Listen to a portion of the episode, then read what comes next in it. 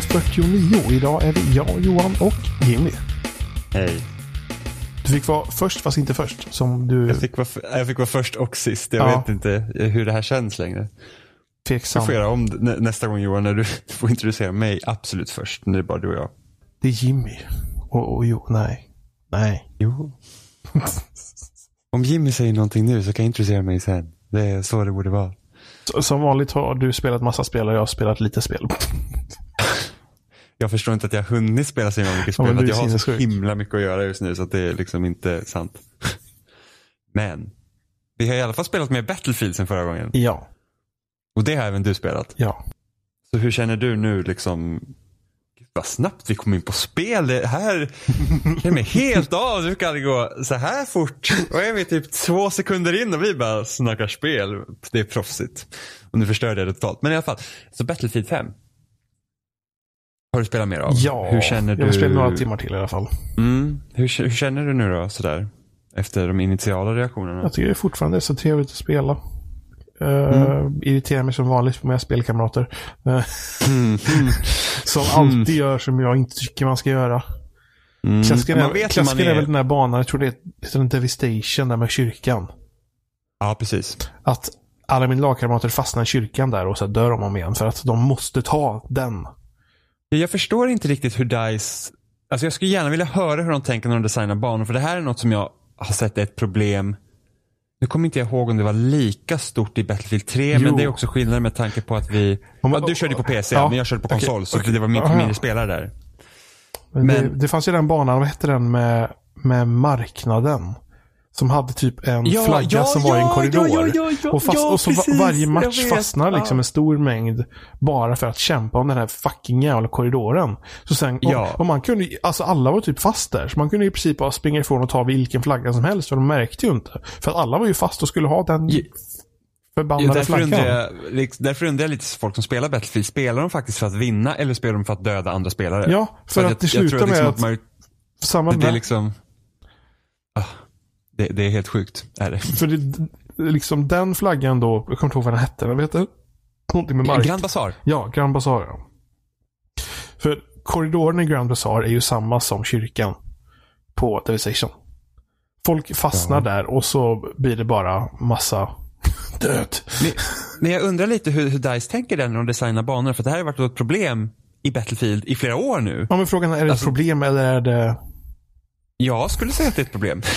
för att, Jag tycker inte DICE verkar inte, eller DICE verkar inte tycka det. De tycker det här Nej, är det men jättebra så- designknep. men samt, samt alltså jag, jag har en teori om varför. Sen går det inte kanske att applicera på Battlefield 5 eller Battlefield 1. Även om, teori, även om det är kanske den teorin du designar banor på. Men även om DICE inte tycker det är ett problem. Vi har ett sniperproblem i Battlefield och det har vi haft sen fucking Bad Company 2. och det är fortfarande inte gjort någonting åt det. Så att, vem vet. Men det jag tänker hur de designat banorna tidigare är att när man tänker då Battlefield 3 och eh, Battlefield 4. När att de spelen är ju så himla mycket fordonfokuserade jämfört med Battlefield 1 och Battlefield 5. Alltså, det, det, alltså Battlefield 1 hade väldigt lite fordon och Battlefield 5 har lite mer än ettan men det är liksom inte, jag skulle inte säga att det är ett fordonsinriktat spel. De Nej. finns där. Men, men det är inte, alltså det är infanterifokus i de här två spelen. Och då tror jag att anledningen till att det finns de här väldigt infanterifokuserade flaggorna är för att infanteri ska kunna vara Alltså få en paus från fordon. För jag vet i, i Battlefield 4 kunde det vara på vissa banor bara så att alltså jag kan inte gå till någon flagga för jag har ingen tank just nu. Jag har inte tillgång till någon tank eller något fordon. Vilket gör att jag inte kan ta de här flaggorna för att just nu är det fordon som dominerar på de platserna. Så att jag kommer liksom inte dit. Även om jag kör liksom en, en assault. Men det är bara att då skickar man ut sina två raketskott och sen har du ingen jävla support som kan ge ut ammo på typ en mils avstånd. Eller om du har en support med dig så tro på fan att den personen inte ger ut ammo. Så att, så att det, därför tror jag att de designar de kartorna så som de gör. Sen så kommer vi då till Grand Bazaar i Battlefield 3 vilket är en infanteribana och ändå har en sån flagga. Det är ju massa andra problem. Men det är därför jag tror att de, de liksom flaggorna finns. Men det blir problem nu i, i, i- Battlefield 5 där det inte är så mycket fokus på fordon. Vilket gör att Ja, jag tycker väl att infanteriet är lite mer utspritt kanske. Men du har fortfarande de här stora fokuspunkterna där ofta lag fastnar. Och då har vi ju då som eh, Devastation där kyrkan. Där folk fastnar vilket gör att man liksom hela tiden kan ta liksom, alltså man märker vilket lag som är smart. Man säger, ja ah, men alla är på C, jag går och tar D själv. det, det liksom funkar bra. Men då, Twisted Metal har ju bron. Precis. Där folk fastnar. Två flaggor på den bron. Narvik har också en bro där folk tycks fastna men du har också C-flaggan i den där lilla byn ja. vilket också folk brukar hålla till. Men liksom, du har ändå den här bron som liksom folk drar sig till och fastnar där. Eh, vad, Twisted Metal, sen har vi jag tror nästan Hamada-banan är nog den som har bäst spridning för att den är typ platt. Sen har Aerodome, har ju hang, stora hangaren. Där också folk fastnar. Alltså man typ ser ibland när man spanar och så man säger att ja, alltså alla blåa pluppar är på en flagga. Och vi har inte någon. Ja, för på ett, på ett sätt kan man tänka, för, för jag gillar att spela Conquest för det är liksom det största läget man har. I alla fall mm. relativt stor frihet, man kan springa runt till olika delar av kartan mer. Uh, men på många sätt så är många av kartorna till fördel på de andra lägena som delar upp matchen i olika, olika delar. Uh, som den, vad heter det när man pushar framåt och tillbaka har sig? Frontlines. Ja. För där, där blir liksom fördelen att, att till exempel som det läget att det är inte hela kartan som används samtidigt så det blir inte riktigt det problemet. Nej, precis. Det är bara när det blir Ja, det är egentligen bara Conquest som har det problemet ja. för att du har ju... Ja, för att, för att alltså, ja, precis. Möjligtvis på till exempel Devastation när man har frontlines där att folk fastnar. För då jag tror det en är i kyrkan och en på ett annat ställe. Så, ja. Då finns ju chans såklart att alla fastnar i kyrkan och inte drar sina andra. Men det känns som att det, det är mindre chans att alla samlas på ett ställe när det är färre ställen att samlas på. Ja. Då är det. Men sen så är det också, man märker, också, man, man märker om man har en dålig squad leader. Som när försöker alltid pusha på mittenobjektivet. Ja. E- eller när man till exempel när, när ens lag har alla flaggor utom en och sen vill den pusha på den flaggan vi inte har. För man vet att när man pushar på den sista flaggan, det är då man förlorar matchen. Ja. För att det är då de andra, liksom när man går fram dit, dör istället för att skydda det man har. Precis. Då kommer det är de bättre ut. Liksom, att det vara i det läget. Då ja, för så, jag kommer ihåg när jag och Robin när vi spelade mycket Battlefield 3 och så körde vi Operation Metro och det här på konsol så det var ju bara 24 mot 24 spelare. Var det Nej. 32 var det på Conquest väl? Nej, det var 24, nej, 24 max. Det var 12 mot 12 var det. 24 var det väl på Rush? Nej, det var 24. Eh, konsolversionen av Battlefield 3 klarar inte mer än 24 på något ja. läge. Jag vet, därför var Conquest så tråkigt i Battlefield 3 för att det var så att man bara åkte runt mellan flagga och flagga och det hände ingenting. Du vet. Mm. Men vi körde ofta Conquest på Operation Metro och, och, där blir det ju, eftersom den banan är så långsmal, mm. speciellt på Conquest, det var bara tre flaggor då på konsol. Så då fastnar ju folk liksom i mitten och den ena lagen hade, hade Alltså ena sidan hade ett betydligt större övertag än det andra liksom, med, med tanke på hur det var liksom, eh, strukturerat. Men då var det så att jag och Robin försökte alltid smyga förbi istället för att bara stanna vid mittenflagga, smyg förbi, ta mm. deras basflagga för att då måste de backa. Och det är inte många som tänker så utan de är så här, rakt fram, där ser en fiende, här lägger jag mig nu kör vi. Liksom, ja, det, det, för, det för jag kan bara märka att Säg på en karta där en stor del av laget har fastnat på en flagga. Mm. Så kan jag springa ensam till en annan flagga. Och jag börjar ta den. Jag lyckas inte ta flaggan för att helt plötsligt så börjar fienderna dyka upp. Men ja. det gör ju att det lättar trycket på de andra ställena. Och jag vet, för, fast brukar laget ofta lyckas åstadkomma någonting? ja, jag har nog märkt i alla fall att då har det lättat trycket på en annan flagga så vi har fått den. Mm, Men ja. får man liksom, säga att en stor laget börjar springa till en flagga vi inte har. Så springer jag till en annan flagga vi inte har. Och då märker man liksom att bara för deras flagga börjar ticka ner på ett annat ställe, då, då börjar liksom finnarna springa dit jag är plötsligt. Eh, mm. Och det kan hjälpa. Men det är ju så man nästan måste tänka i det spelet. Man måste ju försöka lura på något sätt vart de springer. Försöka ta andra flaggor som inte de tänker på att de skyddar och så vidare. Och så vidare, och så vidare. Men... Ja, det är bara synd att det är så många som inte tänker så. Precis. För att det är liksom så att i, tidigare då när jag spelade så var jag en squad, vi sprang hela tiden tillsammans. Och det är något som jag tycker är skitkul, liksom man kör med randoms. Det är det liksom att hur man lyckas kommunicera med varandra utan att faktiskt prata. För att jag sitter aldrig och kör med mick liksom med randoms. Så att det, jag tycker inte det är kul. Men det är kul liksom att kunna liksom säga att utan, bara med hjälp av spelet kommunicerar vi hur mm. vi ska göra och sådär. Eh, så vi körde en väldigt tight squad. Och vi, liksom, vi gjorde allt tillsammans. Och då är verkligen spelet som roligast. Det är verkligen wow, nu, nu liksom går det bra. Så vi vann ju den matchen givetvis. För det, liksom, det räcker med att typ, alltså ändå en squad mm. som gör så bra samarbete. Det liksom hjälper väldigt mycket. Jag tycker det händer så sällan bara att jag känner att jag vill samarbeta med de skadorna jag hamnar med. Jag brukar testa att hoppa runt lite och se om jag kan hitta en, en bättre skada att spela. Men ofta så springer folk åt alla håll eller de tar så konstiga mål så jag förstår inte varför de gör det. Ja, det är eh. absolut det mest irriterande. Man kan säga men alltså, vi kan kalla dem de duktiga idioterna. de, som, de som ändå försöker, men man säger du har helt fel. Ja. Alltså det, det är så himla irriterande. att, för att ibland är det så att ingen vill ju följa mig. Oftast är det så att alltså, i alla multiplayer-spel jag spelar känns det att ingen går ju efter mig. Det är aldrig någon som följer efter mig eller liksom kollar vad jag gör. Så att vi liksom, så vi kommer runt så här. Så då blir det så att okej, okay, men ska jag samarbeta då så måste jag följa efter någon annan. Mm. Och det, sakerna man ser Johan, det är verkligen man måste, ja det här kommer jag nej, det, det, här är ju bara konstigt. Det här liksom, vad, vad tänker den här människan på? Vilken strategi liksom, liksom vad är taktiken här? det är liksom, Funkar det skådsen förresten så som gör det här att skådliden kan bytas ut om den inte gör någonting? Var det ja, så ettan också? Om, om det är så att om inte skådlinjen ger någon order så kan jag liksom säga så här, ah, jag, jag, jag begär en order. Och får jag ingen order på ett tag, då blir jag skådleader. Var det så ettan också? Ja. För det, Vilket är väldigt bra. För det tycker jag är bra i alla fall. Det, det, det tar i alla fall på problemet med att det är en, en skadelig som inte gör någonting. Men sen kan ju ja, fortfarande fast... vara skadelig som gör någonting och ger oss extremt dåliga mål. Men det är ju en, eh, det fixar ett av problemen i alla fall. Ja, men sen är det så att det är väldigt sällan jag känner att skåden, om jag är skådlidare så känner jag att det är väldigt sällan min skåd liksom lyssnar på vad jag säger. Utan den liksom eller alla byter till snipers efter ett tag. Så jag brukar, jag brukar kicka folk. Om jag är så här, har jag typ två snipers i min squad och de har varit snipers ett tag, då kickar jag dem. Från skåden. För det är så här att okej, okay, men ni, ni liksom, du sitter inte på något bra ställe, du agerar ingen bra spawnpoint för skåden. Du har inte gjort någonting på typ fem minuter. Så då, då kickar jag dig. För att det är liksom, vad, vad, ska du vara i min squad för om du inte gör någonting som jag tycker liksom är värt att ha dig? För då, då tar du upp platsen för någon annan som kan hoppa in i min squad bättre.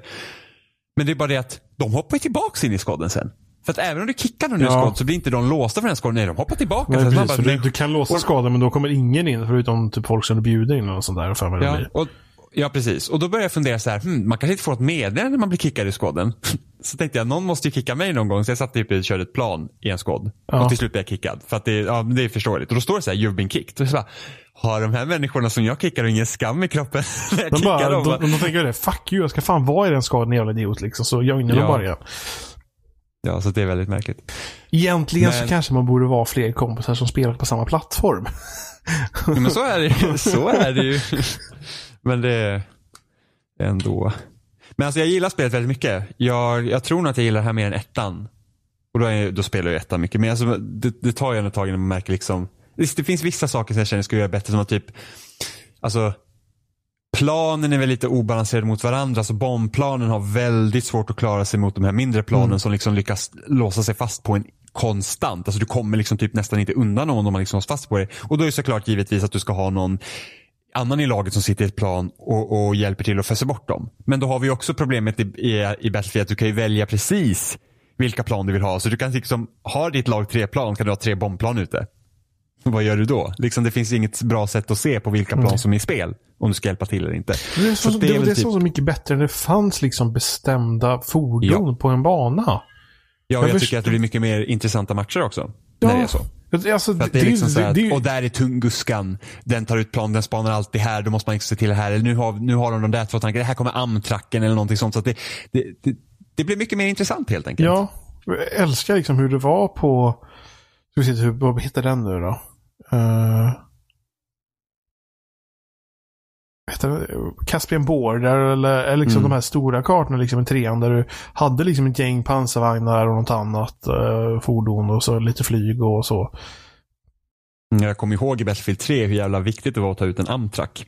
Alltså det var liksom så här, för det var ju spanpunkt i hela laget. Ja.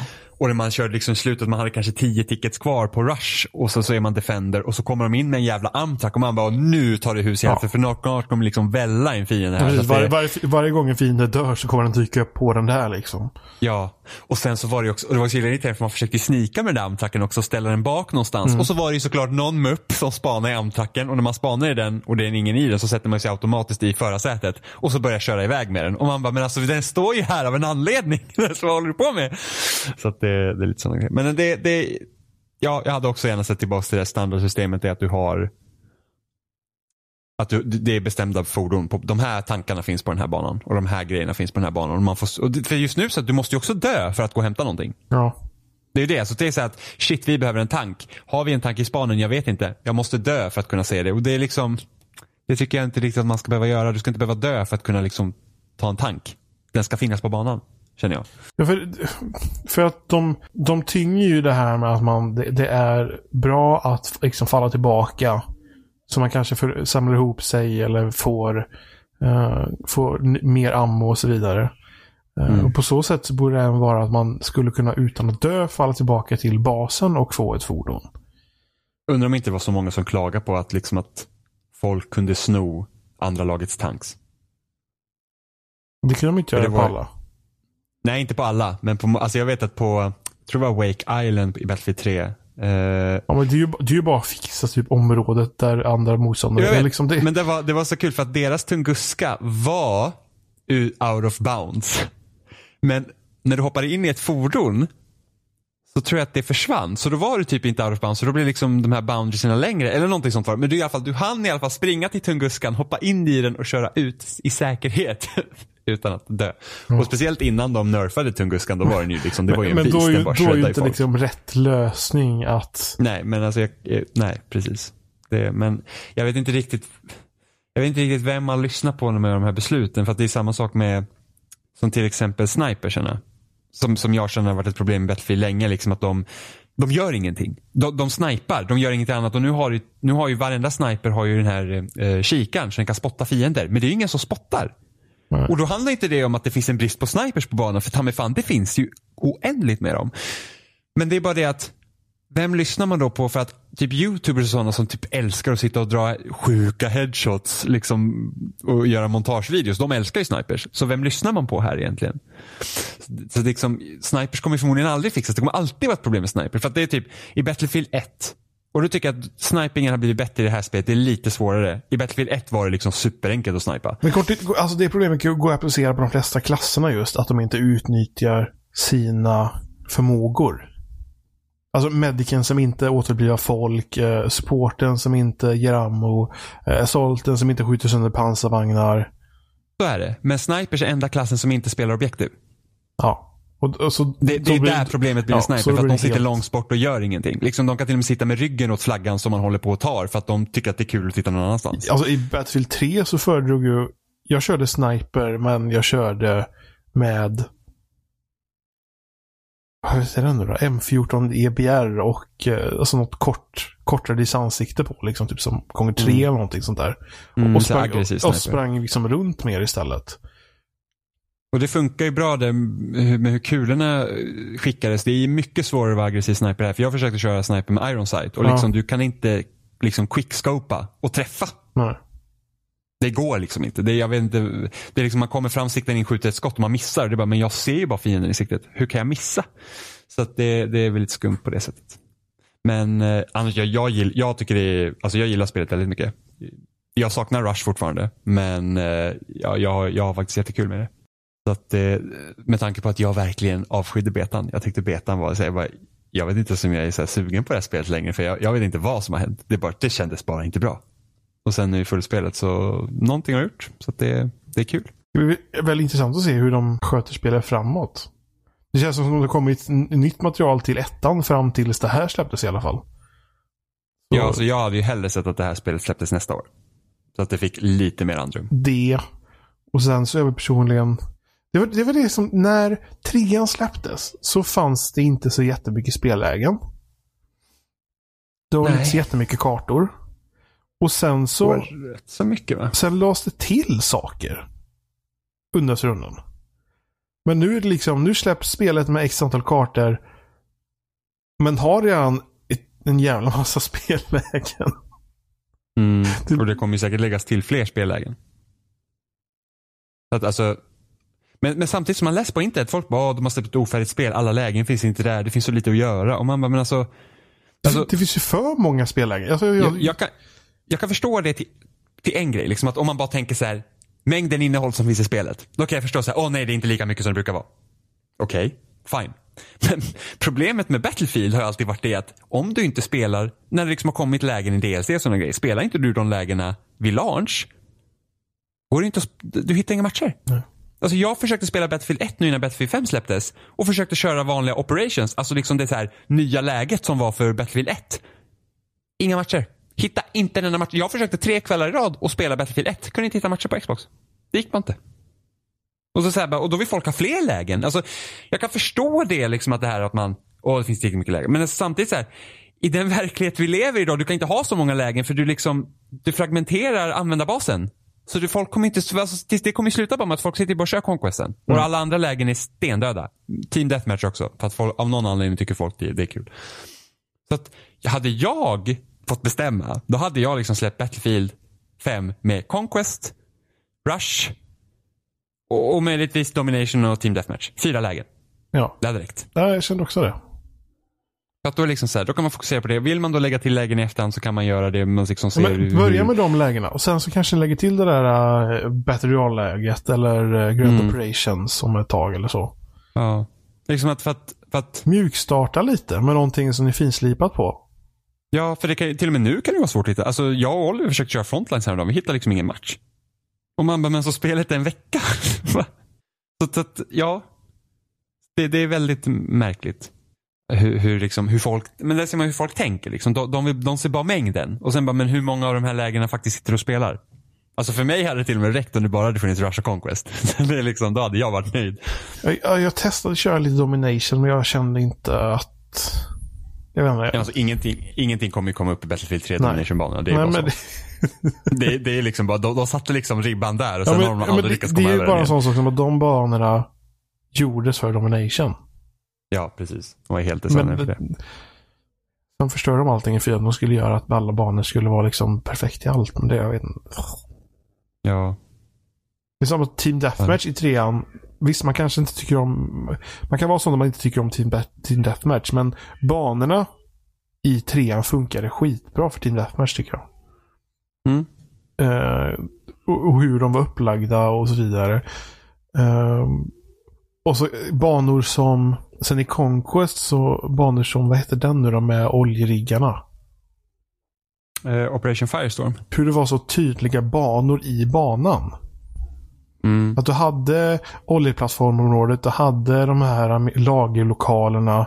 Eh, och jag, jag, jag tyckte det kändes som så tydliga banor även fast de inte kände som det blev för uppdelat heller. Mm. Eh, så det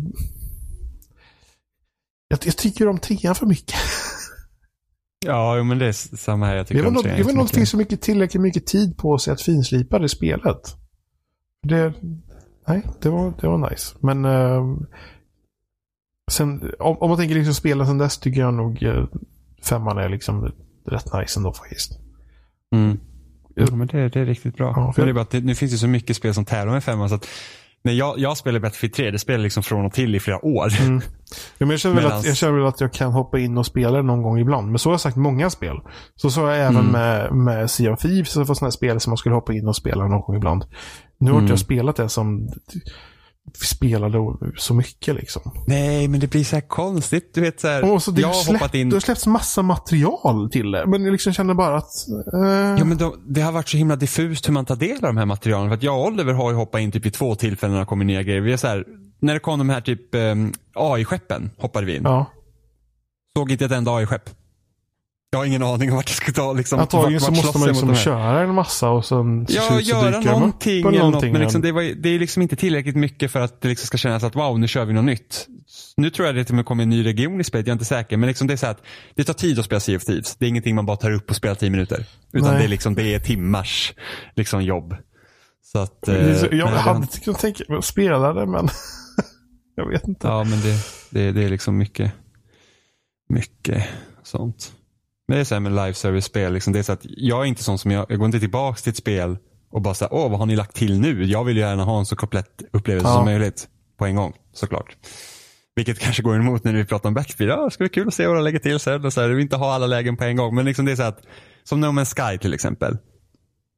Alltså, de lägger till saker hela tiden men det är att det spelet med alla uppdateringar som de gjort det har ju tagit helt fel riktning mot att jag vill ha av det spelet. Det är så här basbyggande och stanna på planeter. Det är inte vad jag vill ha. Jag vill ha utforska universum. Mm.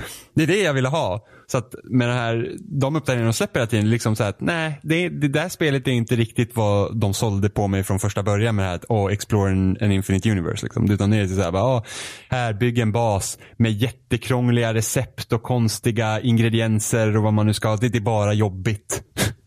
så att, eh, och där de lägger till saker hela tiden, jag säger nej men alltså det Alltså jag hade gärna haft ett spel som pushar mig framåt snarare än att låta mig stanna kvar på varje planet. Mm. Vilket är jobbigt.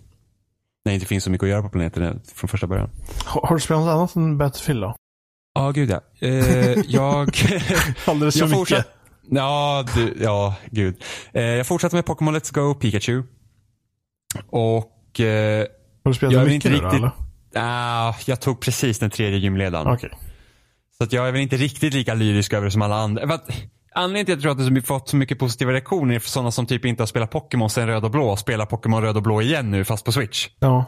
Och de bara, åh det är så trevligt, åh, jag tror inte jag ska komma in här och det bla bla bla. Men, men en, en av de förändringar som jag tycker kanske, som jag har lite blandade känslor för, det är det här nya, hur man fångar Pokémon.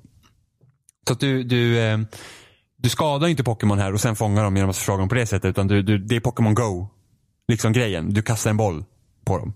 Vilket inte är något problem för mig. Alltså det, det, det är liksom helt okej. Okay. Det, det, jag stör mig inte på det sättet. För det har liksom också öppnat upp att nu har du, det är typ två sätt att få XP i det här spelet. Antingen slåss du mot andra tränare eller så fångar du Pokémon. Istället för att du slåss mot Pokémon. Som är vilda, som är i de tidigare spelen. För du kunde levla upp på det sättet också. Bara att du fick så himla lite XP av att slåss mot vilda Pokémon jämfört med striderna. Här är det typ tvärtom. Du får mer XP av att fånga Pokémon än du får av tränare. Vilket jag tycker är helt bakvänt. För att det gör så att, alltså de olika tränare man möter är inte jätteintressanta för det är den här typiska, ja oh, här har Fisherman Pete som har fem Magikarps. Nej okej, okay, tre Magikarps på sin höjd liksom. Så det är så här, det är inga intressanta strider där heller. Så man säger bara, ja, dö liksom. Men sen så de har ju tagit från Pokémon Go här att du ska fånga en jävla massa Pokémon. Och det spelar ingen roll att du ska fånga en av varje, du ska bara fånga en jävla massa ja. Pokémon. Vilket, vilket funkar i Pokémon Go. För att i Pokémon Go är det enda du gör. Du fångar ja. bara Pokémon och du liksom går ut i riktiga världen. Och så då är det kul. Liksom, ah, här är typ min femte Ratata. Liksom. Det är klart jag kan fånga den med en Pokéboll. Liksom, så får jag lite godis och allt vad det nu är. Här så, så är det liksom så att du får en kombo om du fångar en och samma Pokémon. Så att liksom, jag höll på att forma Psyduck av någon anledning för jag ville testa hur det funkar. Så att det är så att för varje Psyduck så kommer det en, en, liksom en grej. Så att man liksom, har du fångat 30 Psyducks på rad då har du en catch combo på 30. Och när du har en hög catch combo då finns det en mycket större chans för dig att du ska kunna få en shiny Pokémon. En shiny Pokémon är en, är en, liksom en, en annan variant av den Pokémon du håller på och jagar fast med bättre stats. Och det är bara att den här delen av Pokémon är jag totalt ointresserad av. Jag har aldrig brytt mig om att fånga shiny Pokémons eller liksom försöka liksom så här och höja stats i mina Pokémon. Ett, för att Pokémon är, relativt enkelt. Två, det är liksom, jag har aldrig liksom tävlat mot andra riktiga spelare liksom i Pokémon Battle. Så då, då, spelar det heller ingen roll om jag ska ha så bra Pokémon som möjligt för att det är inte problemet. Utan för mig är det liksom, jag tycker om att fånga Pokémon. Och då vill jag liksom inte fånga 30 Psyducks, jag vill fånga en Psyduck. Utveckla den till en Golduck. Och sen kan jag fånga en annan Pokémon som jag inte har än. Det är det jag vill göra. Men här är det ju inte så. Här är det ju tanken att du ska fånga många Pokémon. Hela tiden. Och det är så du levlar upp. Alltså, tränar du dina Pokémon så istället för att liksom då möta andra tränare, vilket du kan göra, men du får så lite extra på det, så ska du alltså fånga massa Pokémon. Och det tycker jag är skittråkigt. Jag, bara, jag vill inte fånga så många av en och samma. Det är tråkigt. Så det är väl där jag liksom lite faller på det. Så att jag säger att, uh, du vet. Så att ja, vad, vad, tycker jag? Jo, det är Pokémon liksom. Men det, det är liksom kul att det inte är random encounters längre. Det, det är faktiskt väldigt skönt. Så det hoppas jag att de behåller till nästa. Eller jag egentligen vill jag ha typ såhär Xenoblade Chronicles nivå på den öppna världen och att Pokémon liksom, alltså det Alltså Pokémon lever tillsammans. Alltså, du, du kan se liksom en hord av uh, Pidgeys. Liksom, att, att det är inte bara en Pidgey som råkar skutta förbi utan det är faktiskt där har vi Pidgeys och sen där borta kan man se typ en, liksom en flera Rapidash eller Ponytas eller någonting sånt där så att det liksom känns som djur. Det är det jag vill ha. En sån värld. Men det är inte här. Det här är ju liksom en, en det här är ju Pokémon gul rem, HD remaster. I princip. Eller HD remake. Mm. Och så det ser ju ut som ett bärbart Pokémon liksom. Fast snyggare. Eh, så, så att ja, det är mer Pokémon. Det ändrar vissa saker till det bättre och andra inte. Dock så tycker jag om det här att det hoppas jag att de faktiskt skulle göra till, till eh, nästa generations eh, Pokémon då, alltså generation 8 som kommer nu nästa år. Är att du ska finnas fler sätt att träna Pokémon, att det finns fler sätt att få XP på mer än att slåss. Det hade varit skitkul. För då kan man alltid liksom säga att ah, men nu vill inte jag slåss här men jag vill ändå köra Pokémon så kan man hålla på med någonting annat. Till exempel de har ju sina skönhetstävlingar eller vad som helst. Liksom. Det hade jag velat se. Men annars så. Men det är, men det är väl liksom inte det, det huvudfokusspelet heller väl? Det, det här är väl som en sorts mellanhistoria och sen ska det komma något roligare senare. Liksom... Ja, precis. Det här är ju liksom bara, alltså det här är bara som en Alltså, alltså jag ser det här mer som en någon sorts lockgrej för alla Pokémon Go-spelare som råkar kanske ha köpt, köpt Switch. Typ. Möjligtvis, fast jag kommer ihåg, alltså Pokémon Sun and Moon släpptes ju samma år som Pokémon Go. Ja. Och det sålde ju som smör. Alltså det var, alltså vilken bump det var i försäljningen. Nu säljer alltid Pokémon bra. Liksom att, jag tror Pokémon Let's Go-spelen är ju typ de snabbast säljande Switch-spelen hittills. Men det är fortfarande inte lika mycket som Sun and Moon. Så att, eh, så jag vet inte, okej okay, ska du fånga in Pokémon Go-spelen till att köpa en Switch och sen så gör du generation 8 och så är det mer som de klassiska Pokémon-spelen. Liksom, det makes no sense. Jag vet inte riktigt vad, jag tror det här är liksom ett sätt för dem att testa lite olika grejer bara och liksom se hur kan de liksom inkorporera grejer från Pokémon Go till Pokémon och hur, alltså Istället för att liksom göra en radikal förändring till generation 8 så testar man redan här. Nu vet inte jag hur generation 8 kommer se ut men jag hoppas att de kommer fortfarande, alltså att random encounters är borta och, och sådär. Men samtidigt hoppas jag att världen blir mycket större för det här är ju fortfarande Pokémon i fickformat. Det här är ju ett bärbart Pokémon. Så det är ju liksom inte den här liksom konsol liksom eh, upplevelsen man vill ha. Jag vill ha i alla fall. Utan det, är, det är väldigt mycket bärbart fortfarande. Så att jag, ja, jag är inte lika lyrisk som alla andra men det är liksom, ja, det är väl, det är väl ett nice tidsfördriv men det är inte så jag bara oh my god Pokémon. Speciellt inte när jag har typ massa annat att spela. Det blir väl, ja, nej, jag vänder nog hellre på nästa historia. Ja, det tror jag är ganska klokt. Om du inte liksom såhär typ, åh jag har inte spelat Pokémon på aslänge, det skulle vara kul att spela om Pokémon gul. Det gjorde du inte för så länge sedan när de släppte det på 3DS. Ja, jag gjorde ju min klassiska så här som jag gjort med typ alla Pokémon-spel sen Pokémon Black and White. Jag spelade typ 4-5 gym och sen slutade jag. Så nu har jag gjort tre gym Pokémon Let's Go Pikachu. Det är fan långa spel. Jag spelar fem timmar. Det är fan, det tar lång tid. Men jag spelar mer spel. Hur? Alltså. Ja men det är så här lite hipp som happ. spela lite här och där. Nej, du är jag, galen nu när jag, nu när jag har packat upp mitt VR-headset igen så, så har jag liksom varit lite inne i VR-craze. Liksom. Så jag köpte Beat Saber. Och det är det här, alltså för de som inte vet vad det är så är det det här något som ni säkert har sett typ på Facebook och sånt när det står någon med typ Vive och de här kontrollerna och sen har man typ ljussablar och så slår man noter till musik. Aldrig sett. Det, vad är det här? Har du aldrig sett det? Nej. Alltså det, det är ett musikspel. Så har du liksom så jag har ju move-kontrollerna. Så man har en liksom move-kontroll i varsin hand och när man har på sig VR-headset så ser det ut som ljussablar. Star Wars, du vet. Och sen så kommer det liksom sådana här block mot dig som har pilar på sig. Så att det är så här, det kan vara ett uppåt-pil eller neråt-pil, höger eller vänster eller en, ring, en plupp i sig. Och sen ska du slå liksom den här blocket i den riktningen som pilen visar.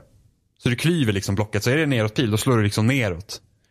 Och så har du båda händerna så, kom, så kommer det här i takt med musik då. Så du spelar liksom en låt, så här är typ som ett VR Guitar Hero typ. Fast du, du gör ju typ inte musik under du slår i takt eller vad. Jag vet, det är svårt att förklara men i alla fall. Så det gör man. Och det det är faktiskt väldigt bra liksom att det, det alltså vad var det första folk typ tänkte på när man såg en remote och bara åh hur ska det bli det här? Star Wars-spelen kommer bli amazing. Och jag tror samma sak tänkte när man såg en remote liksom med de här move-kontrollerna och sen VR-headset. Bara någon måste göra ett Star Wars-spel så man får liksom hålla en ljussabel. Det här är väl typ det närmaste jag har kommit till det. Så man faktiskt får liksom, alltså det känns faktiskt ganska nice att svinga de här jäkla grejerna och liksom man typ bara, det här kommer se, om någon liksom ser tittar utifrån, liksom utifrån in i mitt fönster när man spelar här så håller man två stycken kontroller med så här lysande jävla bollar och så står man och flaxar i luften som en jävla galning och ser väldigt roligt ut. Men det känns jävligt häftigt när man liksom står och gör de här liksom movesen och det är jävligt jobbigt efter ett tag. Alltså, på de svåra svårighetsgraderna så är det fan alltså, det du, du hinner ju typ inte. Alltså, det är helt galet när de här noterna kommer liksom fram och tillbaka. Eh, jag tror största problemet med det här spelet just nu är att jag tror att det hade slagit mycket mer om det faktiskt hade varit licensierad musik. Liksom typ gitarrer, att du liksom har, du har riktiga låtar. Mm. För just nu är det typ techno, dubstep grejer liksom man kan tänka sig i, i liksom den här, liksom hur spelet ser ut. Typ den typen av musik. Och det är inte så att jag sitter och fan vad bra musik är. Det funkar väldigt bra när man spelar liksom till de här låtarna. Men det är inte så att jag går och tänker, oh den där låten. Men samtidigt hade det varit typ, hade man kunnat köra lite Lady Gaga och Queen och sådana där grejer. Då hade det varit jävligt nice. Liksom låtar man känner igen. Mm. Och jag tror att det finns på eh, PC så finns det moddar som gör att du kan ladda in liksom egna låtar. Okay. Så, så att den gör banan till. Och det hade ju Alltså jag hade gärna sett att någonting sånt hade varit här. Jag vet inte hur det hade funkat. Men Sony är så jävla knepiga med, med mods och sådana där grejer. Men alltså att ha rikt, alltså, jag ska inte säga riktig musik, men att ha licensierade låtar som man känner igen hade gjort väldigt mycket för spelet tror jag. Uh, typ, uh, spelar du Audiosurf någonting? Ja, men väldigt lite. Ja, men jag, jag, där... jag, tänkte på det just när du liksom pratade om det. Mm, för att jag skulle kunna tänka mig att det kunde funka likadant. För att så är ju Audiosurf också. Den kollar ju typ, alltså du laddar in en ljudfil och sen kollar den säkert typ så beats och liksom, den analyserar väl ljudvågen och kollar liksom vart kan man sätta in de här liksom noterna. Och sen så kan man spela efter det. Och jag har ju spelat skitmycket Audiosurf. Så hade det, hade det varit samma sak för Beat Saber så hade det varit as nice känner jag. Eh, sen så här, kampanjläget i spelet är väldigt så här, konstigt. För jag sätter in så här, restriktioner över hur du ska spela. Så det är typ så här, bara, ah, du får inte nå en kombo som är högre än 40. Så då måste man missa en not så att man inte liksom förlorar låten. Och sen hade jag en låt som jag sitter fast på just nu. Att du får inte ha du får inte röra händerna tillräckligt mycket. Så att du har typ så här att ah, du får inte röra dig mer än typ 170 meter eller något så här. Och sen så räknar man ut när man gör en sving så kan svinga man sig liksom framåt x antal meter då. Så då måste man göra så här riktigt minimala handrörelser och jag klarar inte den låten. Och jag rör mig knappt alls. Liksom så här, men alltså hur ska jag Alltså det blir bara frustrerande liksom när de sätter in några restriktioner istället för att bara låt låtarna bli successivt svårare eller någonting sånt så får jag spela efter det. Liksom att okej okay, jag kan så här, få så här mycket i score för att komma vidare. Det kan jag köpa men inte så här dumma begränsningar. Och sen tror jag till och med jag läste någonstans på nätet att till slut kommer också låt för du får inte få högre score än det här. Typ. Säg att du får inte få mer än 50 000 i score. Och det, det är för dumheter. det, är bara, det är bara dumt. Och det känns som ett sätt liksom att, ja men så att inte folk bara bracear igenom kampanjen. Liksom. Men, men det är så att då vill jag heller inte spela istället. Du vet. Det, det blir den nivån. Men annars tycker jag Beat Saber är väldigt bra. Det är, liksom, det, det är en häftig VR-upplevelse så att säga. Eh, och speciellt när man svingar och står. Liksom, och, en ganska bra träningspass också om man är, liksom, svingar riktigt hårt. Jävlar vad trött jag var i armarna efter det. Alltså. Och jag slog ner min kopp från bordet. Gjorde jag också. Och min första tanke var inte, åh nej, tänk om koppen går sönder. Det var såhär, nej, min move-kontroll. ja, men, men Beat Saber är väldigt bra. Men jag fortsätter på VR-spåret, för jag köpte också, det var ett Black Friday-rea på eh, PSN också. Ja. Så då var Astrobot Rescue Mission också på rea. Eh, och det har fått väldigt bra kritik. Det är det här typ jag vet inte, har du sett någonting typ av det här We, eh, VR World som kom när PSVR var nytt? Nej. Eh, för då fanns det så här typ något, eh, om en typ plattformsbana med en liten robot som maskot som kunde visa upp hur kan ett plattformsspel fungera i VR. Och så mm. gjorde de ett helt VR-spel på det. Det här är Japan Studios, jag tror det är samma studio som gjorde NEC. Eh, så då är det liksom så här, ja men man bara spelar en sån här liten robot och sen så har du på VR-glasögon. Så det känns liksom som att du verkligen det känns som att du är en stor jätte i den här liksom världen på plattformsbanan och så styr du den här lilla roboten.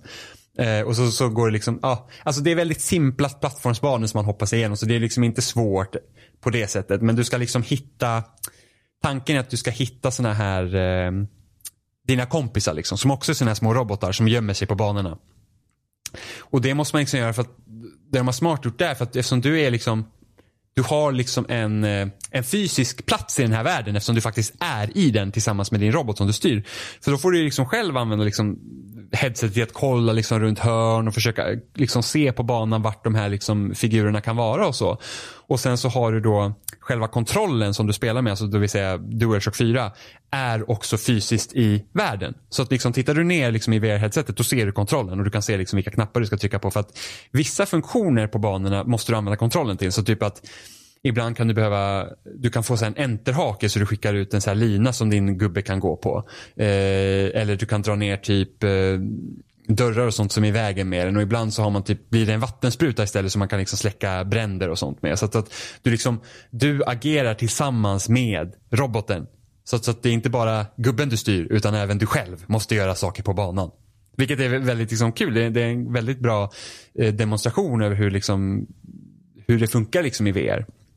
Sen så Sen så spel vet jag inte. Jag vet att många sa att det här är helt amazing. Jag vet inte, jag tycker att det är liksom Alltså jag, jag, tror inte jag tycker att det är lika bra som många andra tycker att det är. Jag tycker att det är bra och det är väldigt mysigt att köra igenom. Men det är lite för lätt tycker jag. Eh, och sen så om man typ jämför med typ Super Mario så har ju den här liksom lilla roboten har inte alls samma moveset. Du hoppar, du kan slå och sen så när du är i luften så kan du hålla in hoppknappen igen för då skjuter du ut så här små lasrar ur fötterna så att du kan hovra lite liksom. Så det, det är det man gör. Eh, och sen hoppar man runt på den här banan. Så det är fem världar och varje värld slutar med liksom en boss. Och de där bossarna är rätt så roliga också. Så det, så det, det, har man ett VR-headset så ja, absolut det är värt att köpa det. För att det är liksom, det, det är ett bra spelare. Men eh, om man ser som plattformsspel som så jämfört med typ, för jag vet att många säger så, hade Nintendo gjort ett VR-spel så hade det typ, alltså i plattform i VR så hade det typ varit det här. Och jag säger bara, ah, jag skulle nog vilja ge lite mer cred till Nintendo. Jag tror de hade varit lite mer eh, liksom uppfinningsrika med, med det än vad Astrobot är. Men Astrobot är mycket bra. Så jag tycker att det är, det är absolut något man kan eh, spela om man har ett VR-headset. Det var allt. Det var, min, det var lilla min VR-odyssé för den här veckan. Snart kan jag väl typ koppla ur VR och sätta i den riktiga HDMI-kontakten. Eftersom när Sony gjorde sitt VR-headset och sin PS4 Pro så hade inte de tänkt att de där två skulle funka så bra tillsammans. För jag kan inte använda den HDMI-kabeln eh, som kommer PS4 Pro till PSVR. Jesus. De är inte kompatibla med varandra. Och den här lilla boxen då, där vi också pratat om, skickar inte igenom 4K eller HDR. så, eh, ja, det, det, det är väldigt märkligt. Men jag är inte klar Johan.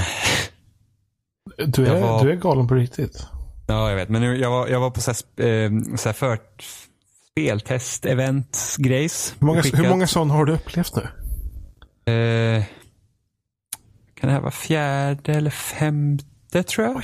Totalt. Var, var, det sist gång, vad var det på sist gång? Var det kod? Och, ja, just det var på releasefesten till Black Ops 4. Där man ska få testa, alltså, alltså, gud, det eventet vill jag bara glömma. det. oh, det känns som att fan, jag kunde bara tagit koden och gått hem. Liksom. Det, ja. Ja, det här, det, här var, det här var ett riktigt testevent. Så jag kom dit fick testa spelen som jag spelade. Vad så fick du testa nu då? Så det första vi fick spela var Devil May Cry 5. Och det var samma demo som visades på Gamescom i år. Så att jag fick spela som eh, eh Nero och så fick man liksom känna på lite. Alltså det var ett väldigt kort demo, det var kanske på en kvart, 20 minuter bara. Så att det, jag fick väl uppleva några strider och en boss. Och det, jag är inte bra på de här spelen. Alltså det, det här är typ denna spelen jag är så att jag suger. Alltså ganska ordentligt. För det är så här, man måste kunna ha kombos och, och sånt och min hjärna fungerar inte det. Jag klarar inte ens tutorialen i Killer Instinct. För att jag kunde inte länka ihop två långa kombos som man behövde göra för att komma vidare. Men det här är typ hacken slash, eh, ja, har man spelat Devil tidigare vet man det är typ Bayonetta. Eh, så att, ja, jag, jag, jag, kan inte säga så mycket förutom att typ att ja, det är mer Devil May Cry, det känns som Devil May Cry, det känns jävligt coolt att spela när man springer runt med sitt jäkla eh, svärd som är lika långt som en själv. Och sen har man någon jävla revolver man kan skjuta på den där eh, fienderna och sen så jobbar man upp sin kombomätare och så får man höra någon sån här kommentator säga vilken grad man ligger på vilket också känns jävligt tuff. man kommer typ till så här S som är savage. Då bara savage säger han och man bara oh yeah, fuck yeah, jag är så jävla cool typ. uh, det enda jag egentligen känner att lite så här konfunderad över spelet är att kameran ligger väldigt nära karaktären. Och jag känner att det hade nästan varit fördelaktigt om det hade varit längre ifrån för att det är svårt att överblicka de, de slagen man hamnar på. Så man vet, kan inte riktigt positionera sig efter fienden alltid. För jag känner att kameran ligger lite för nära. Men de stri alltså det var väldigt det kanske var fyra, fem strider bara i det här demot. Väldigt eh, få fiender i dem också. Och lätta såklart, det var inte så svårt. Alltså de fienderna var inte så svåra. Jag dog på bossen, jag lyckades inte klå bossen dock. Men det var, då tog demot slut bara så det var inte så, jag behöver inte skämmas så mycket. Eh, men så att det var, det var liksom svårt att övergripa så här, hur många fiender som var kvar, var fienderna var någonstans. För att det var många gånger bara så här att okej okay, nu tror jag att jag är klar och så är det någon fiende som är någonstans men jag liksom kan inte liksom snabbt se den fienden. Men annars det fortsätter ju Capcoms tidigare Devil May Cry-serie och inte det som Ninja Theory gjorde med DMC. Dock så känner jag väl typ att de har kanske inspirerats lite hur stilmässigt från Ninja Theory-spel. Som var väldigt stilistiskt liksom och färgglatt och sådär. Så, att, så att det inspireras lite därifrån. Men annars är det väl de som inte tyckte om då den lite mer, vad ska man säga, mogna storyn och vill ha sitt ganska ostiga grejer från de tidigare Devil May Cry-spelen kommer vara väldigt nöjda för att det här är mer cheese om man säger så. Men det var kul. Det lilla jag fick spela. Eh, och det andra spelet som jag fick prova var Resident Evil 2. Som kommer också nästa år. Eh, och där var det faktiskt, jag fick spela tre demosektioner. Så vi hade från det som jag fick se av Leon på E3. Och sen fick jag spela två sektioner med Claire, jag tror det var från Gamescom och Tokyo Game Show de visades mm. respektive. Eh, och det här är ju en mycket större liksom om man tänker då hur Resident Evil 2, alltså originalet ser ut. För då hade ju fortfarande de här låsta kameravinklarna. Det här är ju mer Resident Evil 4. Och då säger jag Resident Evil 4 och inte 5 eller 6 för att de var mer actionfokuserade. Det, det lilla jag har sett ifrån det, känns som en sorts konstig kombination mellan 4 och 7 på något sätt. Alltså, jag tror att det är gjort i samma motor som 7 Jo. Men annars så Annars, det är inte första persons perspektiv Nej, alls. Utan det, det, är ju verkligen Resident Evil 4 straight up. Liksom. Eh, och, och även fyran hade liksom dragit ner väldigt mycket på pussel och sånt som fanns i tidigare Resident Evil-spelen. Det fanns ju typ lite, du skulle hitta typ den här gemet för att sätta i det här hålet. Men det var inte som att du liksom kunde gå runt i, i den spanska byn och inte riktigt veta vad du skulle göra. Nej, Utan det var ju väldigt straight forward. Ja. Det här finns det dock väldigt mycket pussel. Alltså, och nu kunde inte jag ju lösa alla pussel som fanns på banan. Alltså när jag spelade som Leon då. Eh, för då man börjar ju liksom i polisstationen. Och, och det, det går inte att lösa alla pussel såklart för att det var inte öppet och sådär. Så det fanns ju, alltså det fanns ju väldigt mycket så här, olika låskombinationer skulle låsas upp. Jag såg att det var flera olika sådana här, eh, typ olika eh, stenskivor som skulle sättas på plats någonstans som jag inte kunde komma åt och, och liksom så, så att, det var ganska överväldigande när man spelar för att säga okej. Okay, inte nog med att man har folk som går och tittar vad man gör liksom när man spelar och man har liksom publik ibland. Jag hatar verkligen att spela med publik. Alltså det verkar så här, och för då är det så här, nu är jag så jäkla kass och jag, bara så här, jag vet inte riktigt vart jag ska gå och så måste man liksom typ låtsas att man vet vad man ja, håller på med. Det är samma som på jobbet som någon står bakom ryggen på en och kollar när man gör saker så blir det liksom bara ja, totalt fryser.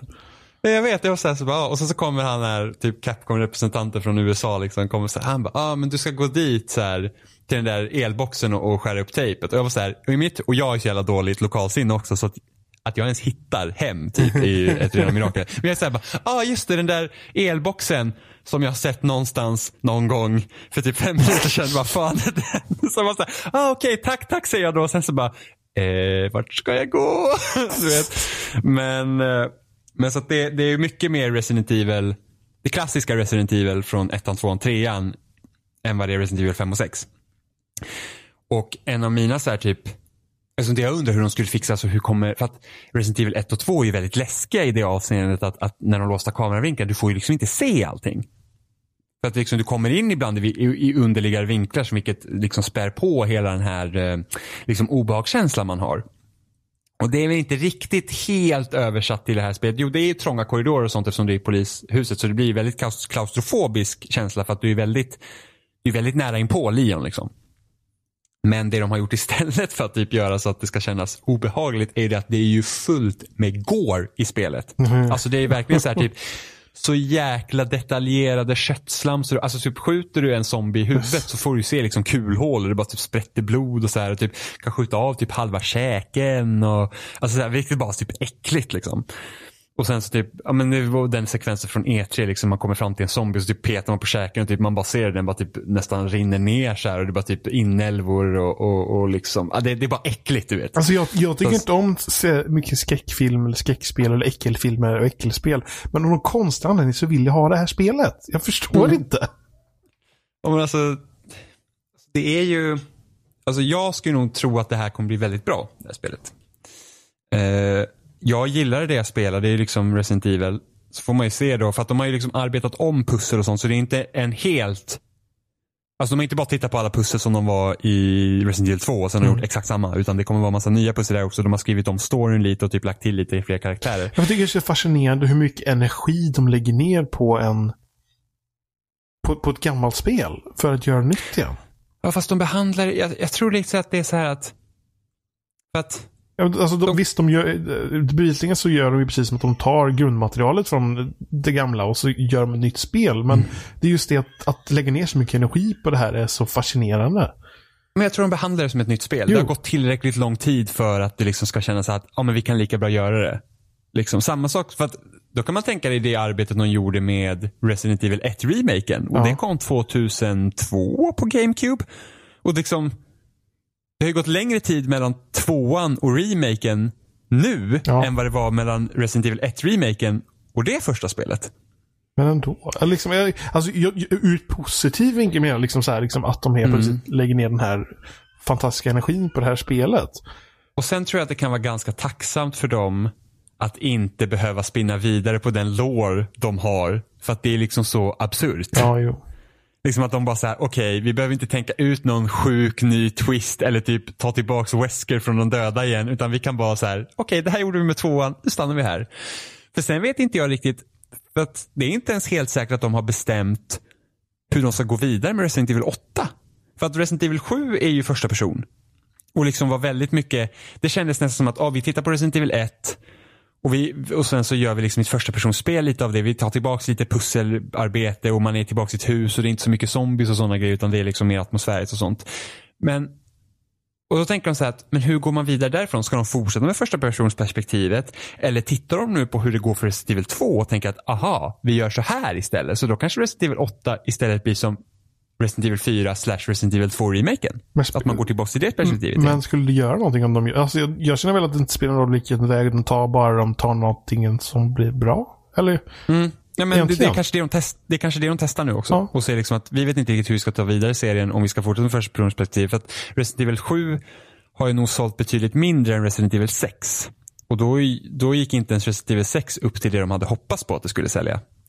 Eftersom Resident Evil 5 var ju liksom, alltså det är det bästa Resident Evil-spelet, tror jag.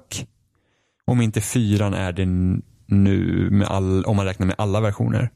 Men femman var ju liksom en stor succé. Så där, därför spann de ju också vidare med på actionsegmenten i sexan. Men sexan var ju bara helt, alltså vilken soppa till spel. Uh, så, så att, uh, så att det, det, är frågan om det är det de gör nu. Liksom de, hur ska de ta vidare serien? Det kanske beror på liksom, om Resident Evil 2 säljer betydligt mer än Resident Evil 7, då kanske, okej, okay, men då kör inte vi första personsperspektivet, utan då kör vi så här istället. Så att eh, det, det, ska bli, jag är väldigt spänd på sen riktiga spelet, eller fullspelet sen, för att det ska bli, det ska bli kul att se hela alltet. För sen har de ju eh, jag tror man kunde spela som både Leon och Claire i första, eh, alltså i Resident Evil 2. Men jag, ser, jag körde ju bara Leon-kampanjen. För eh, det, det jag fick köra nu av demo så verkar det som att man ska köra igenom i alla fall både Lions och Claires kampanj för att de är väldigt olika. Hennes var mer actionfokuserad, i alla fall de liksom, delen jag fick spela på demo. Sen ja. körde någon stor bossstrid och sådär. Eh, och jag fick träffa Lickers. och de är fortfarande asvidriga. Det var fan svårt. Jag dog fan på tredje demot två gånger. Och det värsta var att det fanns ingen checkpoint i det demot. Så jag fick börja om två gånger. Och då var det så att hoppas ingen såg mig nu när jag dog igen. så att det, det, det, det var inte helt lätt faktiskt. Så det är kul att det liksom utmaningen finns där också. Men eh, det kändes bra. Det kändes riktigt bra. Så att eh, kul att de liksom det är kul att de kanske hittar någon stadig grund för Resident Evil igen så att det inte liksom bara skenar iväg utanför deras kontroll. Att det blir som hipp som happ. För att det är, alltså det är en serie som jag tycker väldigt mycket om. Så just nu så känns det som, ja men det är Resident Evil, Silent Hill. Det är liksom den här klassiska skräckvibbarna liksom som man fick från de spelen som kom på Playstation 1-eran. Så det är, det är nice. Så det, det kan jag rekommendera av det lilla jag spelar. Eller lilla, körde typ en och en halv timme. Men ändå. Det var allt jag hade spelat Johan.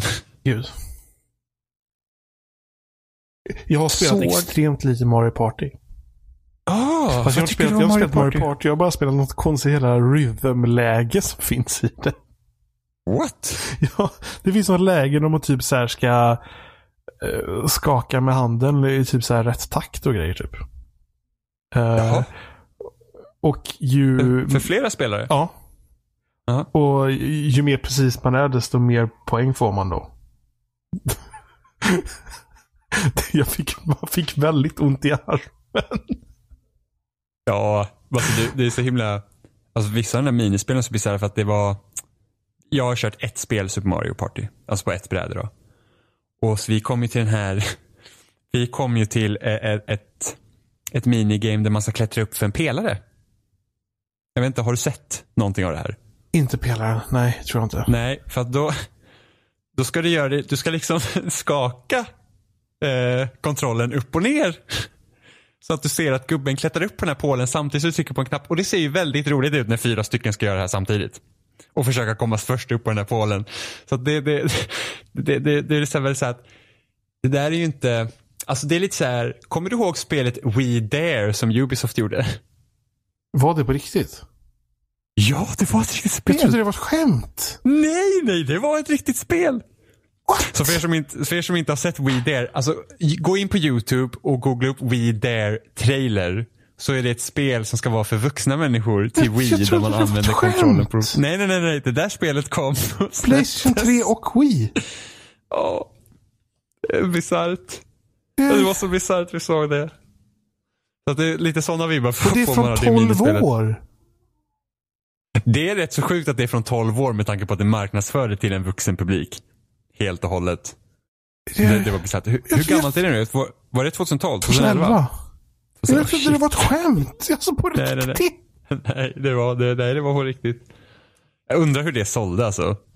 Undrar om det finns på typ VG Sharks. även om man inte ska tro på VG Sharks. Kolla på trailern nu, vad är det? Ja, det är sjukt. Vad är detta?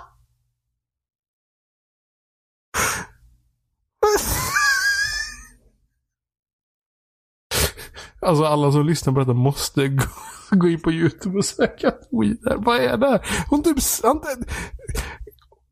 kvinnan lägger en joycon bak i sin kjol vid rumpan och sen så lägger hon sig på, över mannens knä. Och så ska han smiska. Och mannen smiskar henne.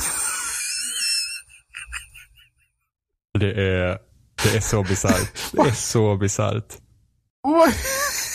Jag kan inte förstå, vem pitchade idén? Och så har de typ såhär, de har typ Mi-liknande karaktärer som inte är Mi, fast det ser ut som Alltså. Hur ska de börja strippa? och, och ändå från 12 år, det är sjukt.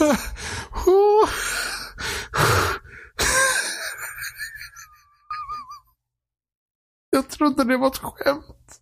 Nej. Det var på riktigt. Det, det, Nej, det är, ett, det är ett riktigt spel. Men var det enda man gjorde var att stampa, eller liksom eh, klappa takten i, i det spelet du körde? Var det alltså, nej, men det var något separat läge tror jag i spelet. Det var inte liksom själva liksom brädet eller så. Nej, nej, nej, nej men det förstår jag. Men så, det, så var det tre olika svårighetsgrader tror jag. Uh, och så låser man upp nästa svårighetsgrad när man hade kört den inom. Och så fick man några konstiga pengar som man kunde göra någonting med i spelet. Jag vet inte. Jaha. Ja, jag, bör, jag borde... det, det, var typ till exempel ett var att man skulle eh, man skulle sitta på en häst och så hålla i eh, tygeln.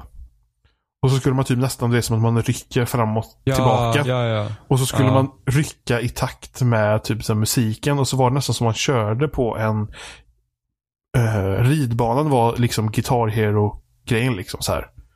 Ja. Och så ryckte man till då med handen eh, på rytmpunkter då på banan. Och så la man ihop det som alla ryckte till då så blev det liksom musiken. Jaha, okay. eh, bara det att ju svårare det var desto snabbare gick det. Så man liksom satt där och ryckte fram och tillbaka så armen blev helt slut. Spelade du Mario Sonic at Olympic Games på Wii? Nej. Ja, alltså det gav, alltså jag och Robin vi spelade det var, det var väl relativt nytt det spelet då när jag var hemma hos honom en sommar. Och vi spelade så jävla mycket så att vi fick ju jätteont alltså träningsvärk. För att de flesta liksom minispelen var att man ska typ boxa i, i luften hur mycket som helst med liksom armarna och sådana grejer.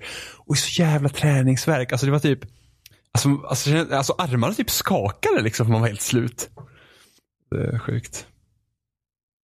Det är ett spel som förmodligen hade varit bättre om Nintendo hade utvecklat och inte Sega. Att de många minispel där var jättetråkiga. Då har ju Nintendo, Nintendo sitt, sitt Mario Party. Mm. Ja. Såg du förresten att eh, Red Dead Online ska komma ut nu? Va? När? Imorgon. Nu ska vi se, vi spelar in på måndag. Så imorgon öppnar det upp för de som köpte Ultimate Edition. På Menar du imorgon så för lyssnare eller för oss? Ja, nej, för, för oss. Så tisdag 27, så igår för de som lyssnar, Ja. öppnar upp för de som hade Ultimate Edition. Sen på onsdag, alltså idag, Ja. så öppnar det upp för de som spelade på launch. På Hur, hur känner de av det? Ingen aning. Ja, alltså det, där kan man ju ställa. Alltså, de har ju förmodligen, har de ju, det är ju Ja. kopplat säkert till kontot liksom, när startar du spelet första gången. Ja. Eh, sen på torsdag öppnade, alltså imorgon, öppnade upp för de som spelade mellan 27 oktober och 29 oktober tror jag. Är det här för att slippa totala kaoset som var för GTA ja. Online förmodligen? Jag antar det. Och sen på fredag öppnar det upp för alla. Det här måste vi Så ju göra. liksom, så en smooth launch. Så det där, har du Red Dead 2? Ja, Ja, men bra. Men då, då onsdag så borde på, vi spela. på Xbox One. Ja, men vad bra. På onsdag så borde vi spela. Ja. Du, jag och Oliver och vem som helst som är med. Får hoppas att det funkar. eh, det jag tycker är så intressant här är ju dock att vad de kallar det beta. För jag tror de lärde sig efter GTA 5 Oh. online-launchen, liksom- eller GTA online heter det bara. Launchen att det är liksom, de marknadsför inte hårt för att de är inte säkra på om det kommer funka. Men då, alltså, det märks ju först och främst att de har lärt sig med att de släpper det i vågor som de gör. Det, är Mm. det är ju smart. Sen borde de ju tekniskt sett veta mer liksom hur de ska hantera det. Men Eftersom, efter, man kan inte... Det är, så här, det är också så här att hur många tänker de hoppar in i online är också beroende på hur mycket spelet har sålt. ja, jo. Men, Och det är liksom så att... men det märks att de i alla fall försöker att Ja, lära men sig de av det som har hänt. De kallar det beta också. Ja, och det är så också att det är bra. liksom... Mm, så att det är liksom... Och de har inte... Den här gången har de inte marknadsfört spelet med Red Dead Online i åtanke heller. De har nämnt det. Mm. Och det kommer efter launch. Men liksom inför GTA 5 så var det ju liksom ett stort försäljningsargument. Att GTA Online kommer. De hade en hel liksom trailer långt, alltså en månad innan spelet släpp var ju så att oh, GTA Online kommer det här och det här kommer du kunna göra och heist och bla bla bla. Och de har inte pratat om någonting om det i Red Dead Online. Förmodligen för att inte liksom spä på förhoppningar och liksom det en, intressant att se ifall det blir som stor fokus som var det i femman. För fem, I femman är det orsaken till att det sålt så mycket som det är sålt. Och att det sålt liksom Ja. fram tills nu. Tror fortfarande Precis. att de säljer ganska många exemplar i veckan. Ja, gud ja. Ja. Ja, ja, gud, alltså, GTA, GTA 5 har varit på så NPD-listan typ i... Sen det släpptes typ. Men kolla på exempel, jag 10, menar liksom. på...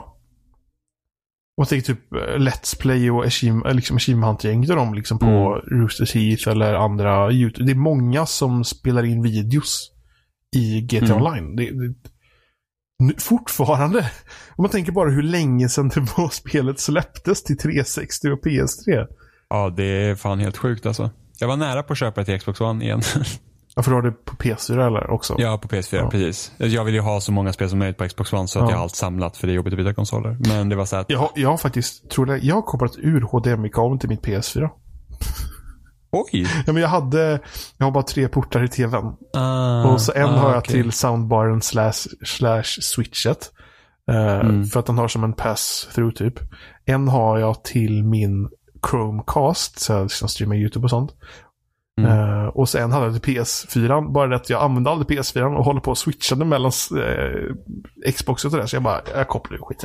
Jag startar aldrig ändå. Det låter ju som en jävla orkan. Ja, gud ja. ja. Jag har ju, jag har ju många HDMI. Jag har ju först har jag typ fyra portar på min TV. ja. Men där behöver jag liksom bara ha PS4 Pro och Xbox One för Precis. att jag ska ju få 4K igenom. Och sen har jag en receiver där Ja. jag har sex HDMI-portar. Jag planen är väl att nästa gång jag köper en TV så ska den ha fyra portar. Och det ska vara en TV med Android TV i och då får man en Chromecast inbyggt istället. Oh, nice. Och då skulle man köra så istället. För då får jag fak- massa portar över. Alltså det är nice att ha liksom appar. Jag har ju så Netflix, HBO och SVT Play Mm. och SF Anytime och Viaplay tror jag kan ha som app appar i min TV. Även Plex. Så jag inte behöver ha igång Xboxen. Ja, men det är smidigt. Jag, jag, kör ju, jag har Chromecasten då, så jag kör från telefonen. Och det funkar väl för det mesta. Just nu så har jag en extremt dålig router. Eftersom ni kör på wifi Chromecasten så funkar det väl sådär. Men eh, Mm. prisvärt Ja, liksom. jag, skulle vilja, jag skulle vilja ha en Apple TV.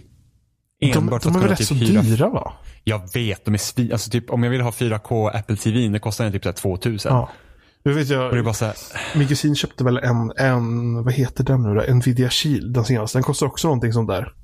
Men då, är det, då kan du ju spela upp vad som helst i den och installera Android-appar på den och grejer. Så då den blir mycket mer, alltså man kan göra mycket mer med den. Mm. Men jag tror, Apple... Apple... TV har väl också vissa appar tror jag. Så men alltså ja, men den är ju mer nedlåst överlag. Så, så är det ju. Men det jag vill komma åt är iTunes-biblioteket för att hyra film. För att det är mycket bredare än Xboxen till exempel. Ja. Vilket jag brukar hyra film på ibland.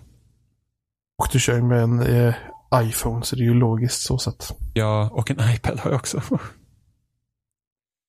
Prylar. Att, eh, men, men det är så att det är, det är sen egentligen det, det är ingen prio-kostnad direkt. Mm.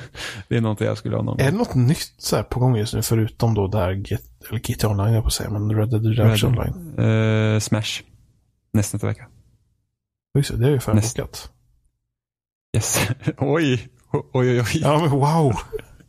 det har jag förbokat och glömt bort det. Ja, det ska bli, det ska bli noise. Då har jag beställt med GameCube-adaptern och en till GameCube-kontroll. Oh, För det ska, nice. det, ska spelas, det ska spelas med rätt kontroll. fast, fast, Switch Pro-kontroll är ju ändå bra. Ja, jo det är nu. Men uh, den är dyr. jag, ja, där. jag har massa GameCube-kontroller. ja, jag ska, borde köpa, jag ska passa på att köpa en till GameCube-kontroll för då har jag fyra nya. För jag köpte ju, det var ju förra hösten så köpte jag ju GameCube-adapter och eh, GameCube-kontroller för att de börjar inte gå att få tag på längre. Mm. Och det, då visste inte jag att Nintendo skulle göra nya. Nej, Men det här är också grejen med Nintendo. Hej, ni gör nya GameCube-kontroller. Var är GameCube på Switch? What the fuck? Jag tror, till och med när de gjorde det på Wii U, när de började släppa GameCube-kontroller, alla bara såhär, ah men de kommer släppa GameCube på våra ja, det, det är fascinerande Utan hur mycket tvekan. kärlek de ger till det här, till Smash. Liksom hela den, eh, vad, vad, säger man? S scenen liksom, Smash-scenen. Ja. ja, men alltså att de gör nya GameCube-kontroller enbart för Smash. Ja, helt Det är så Nintendo. Alltså varför inte då bara släppa, hej, nu kommer GameCube-spel också, för att varför inte? Ah, jag vill spela om Metro Prime. Alltså det finns massa GameCube-spel jag vill spela. Ja. Och nu när de stänger ner alla romsidor också så kan man inte göra det illegalt. Fast i och för sig, man skulle ju kunna kopiera över sina GameCube-spel till datorn på något sätt va? Med Wii kan du det. Jag har ett Wii. Och om du softmoddar så kan du rippa ner till eh, till till USB-minnen och sånt. Det har jag gjort faktiskt med några spel. Så, så, för, mm, så jag sen kan köra dem på Alltså spel som jag har på skiva lagligt då. Liksom, köpt. Mm. Så jag kör dem på USB-minne. Och så kan jag ha flera stycken på USB-minnet bak på Wii. Och så kan jag sen köra även europeiska spel i 480p. Nice. Ja, jag har ju på datorn har jag Mario Kart Double Dash och Metroid Prime. Har jag faktiskt. Jag kan koppla in min, mina Game Control och spela det också. Men det är så att, fan, alltså inför Metroid Prime 4, släpp Metroid Prime Trilogy för fan. Nu kom det faktiskt ett rykte att de ska faktiskt, eh, att de kanske ska porta Skyward Sword till Switch. Det är så fascinerande om de lyckas med det. Och då, och då, och då är det så här att, ska de porta över det men behålla rörelsekänsliga kontrollerna? Eller kommer de göra om spelet så att det går att fun alltså fungera med vanliga kontroller? För att om de gör det med vanliga kontroller då öppnar det upp en rad möjligheter för att porta över andra spel ja. från Wii. Det vill säga Super Mario Galaxy 1 och 2. Vilket de redan har gjort på för Kina. Ja, ja till en Nvidia Shield. Ja, det är weird bara. Jag har släppt ert bästa spel någonsin där men inte någon annanstans. Jävla dumheter. Och sen Metro Prime, det tänker jag för Metro Prime 3 skull då. Nu gjorde de ju om Metro Prime 1 och 2 till Wii U. Nej, Wii och Wii U. Ja. Med rörtjänstekontroller. Men, men, jag, men jag, vill ha, jag vill ha GameCube-varianten fast widescreen-patchad som den var till, till Wii. Ah, de la till widescreen i Wii-varianterna. Ah, jag har ju Metro Prime Trilogy på Wii U för de släppte dit det också. Men jag spelar aldrig där. Men det, ja. Nintendo. Återigen, en ny vecka i spelsnack där vi säger att vi vill ha GameCube på Switch. Jag. Och släpp inte för fan remakes på 3DS. Som Luigi's Mansion. Ja, ja det förstår jag inte alls. Jag, alltså jag, What jag, the fuck? Jag tror de tjänar mycket pengar på spel de inte gör själva. Om man tänker ja. på butiken, alla indiespel, som de tjänar en procent på. Ja. Ja, alltså folk älskar att köpa spel på Switch. Ja. alltså fy fan. Alltså, vilket annat girigt företag som helst hade släppt hela sin typ bakkatalog om och om igen. Men, och Nintendo bara, ah, vi, har, vi har världens bästa liksom, lösning med Virtual Console som vi har haft sedan 2006. Och sen så bara, nej. Men det här är ju underligt överlag tycker jag. För du har Nintendo som satsar mycket på Virtual Console. Till... De satsar hårt på Wii. De, det fanns på Wii U och det mm. fanns på 3DS. Mm. Sen kollar man på Sony. De hade ganska mycket PS1-spel till PS3 och PSP. Mm. Och så hade de några till PS Vita, tror jag. Nej, du kunde nog köpa de flesta PS1-spelen på PS Vita. Ja. Och sen är det plötsligt PS4 så bara, eh. Ja, och sen PS2 var ju bakåtkompatibel med PS1. Ja. Helt och hållet också. Och sen, det är så kul. Och, och, och, så nu då så kollar du på Microsoft som inte haft, ja, de hade lite bakkompatibilitet på Xbox 360. Så här, ja. vissa specifika spel. Och sen storsatsar de något extremt nu med Xbox One. Jag vet, och det, och det här är det roligaste också. Microsoft har ju inte den liksom exklusiva biblioteket som rättfärdigar det riktigt egentligen Nej. på det sättet. Liksom, det är inte som att de har alla de här klassikerna på Xbox. Men det är, men, men, och, det är många liksom multiplattformsspel som inte fått en HD-remake. Mm. Är det bästa stället, alltså till exempel som Red Dead nu då. Det bästa stället att spela Red Dead det är ju på Xbox One X. Ja. Men, och även ja. att spela Red Dead på ett vanligt Xbox One är bättre för då har du stenstadiga 30 FPS. Mm. Ja, alltså det, det Microsoft har gjort med Xbox One X, alltså det, är, det är fan helt otroligt. Man skulle, man liksom skulle kunna tro att vi är köpta av Microsoft nu, men... men nästa tur, alltså, ja, men alltså det är... Jag bara, jag köper allt på Xbox. Nej, men alltså det, det, det, är faktiskt det, alltså... Det är även kombinerat lathet att inte behöva byta. Ja, precis så är det. Uh, men det är, det är faktiskt... Ja, men jag bara önskar att de andra också gjorde det. Så jag tror att... Jag skulle gissa på att Sony, att PS5 är helt bakåtkompatibel med PS4. Ja, det kommer säkert vara samma som PS4 och X86 ja. och så. Sen hoppas jag att de har löst det med resterande konsoler de har gjort också. Att du kan, att den är kompatibel med PS3. Ja, alltså ju, ju mer kraften ökar, de är så enkla. Alltså PS2 borde ju vara busenkel att fixa emulering för på nästa Playstation. Viss, men det finns ju vissa PS2-spel på PS4. Ja, jo det gör det. Det har du faktiskt men, rätt i. Men mm. det är väl inte så jättebra har jag för mig. Jag har faktiskt ingen aning. Eh, men PS3 är ju kruxet. Ja, ja. Och det borde de bara lösa. Att det är liksom, visst att det är svårt, men Microsoft hade också saker som de tyckte, alltså bara det att de får 360-spel att fungera på Xbox One var ju liksom också enligt dem typ magi. För att de, planen var från början att Xbox One skulle vara helt bakåtkompatibel med 360. Men de fick det inte att funka. Så det är därför de liksom, och det är så kul med företag hur det är liksom så att åh vi fick det inte att funka så nu måste vi säga att nej det här var ingenting vi gör för att folk spelar inte bakåtkompatibla grejer. Du vet istället för att säga att nej vi ville men det gick inte. Och sen fick de det att funka i alla fall. Mm. Så, det är fascinerande. Ja. Men, men så Nintendos jävla online service där, men de har ju sitt jävla Netflix. Det är liksom... Alltså... Alltså nu helgen till exempel så eh, var jag på en liten träff med lite gamla folk. Både gammalt och nytt folk som eh, man har varit på andra spelträffar med och spelat alla möjliga Nintendo-spel med.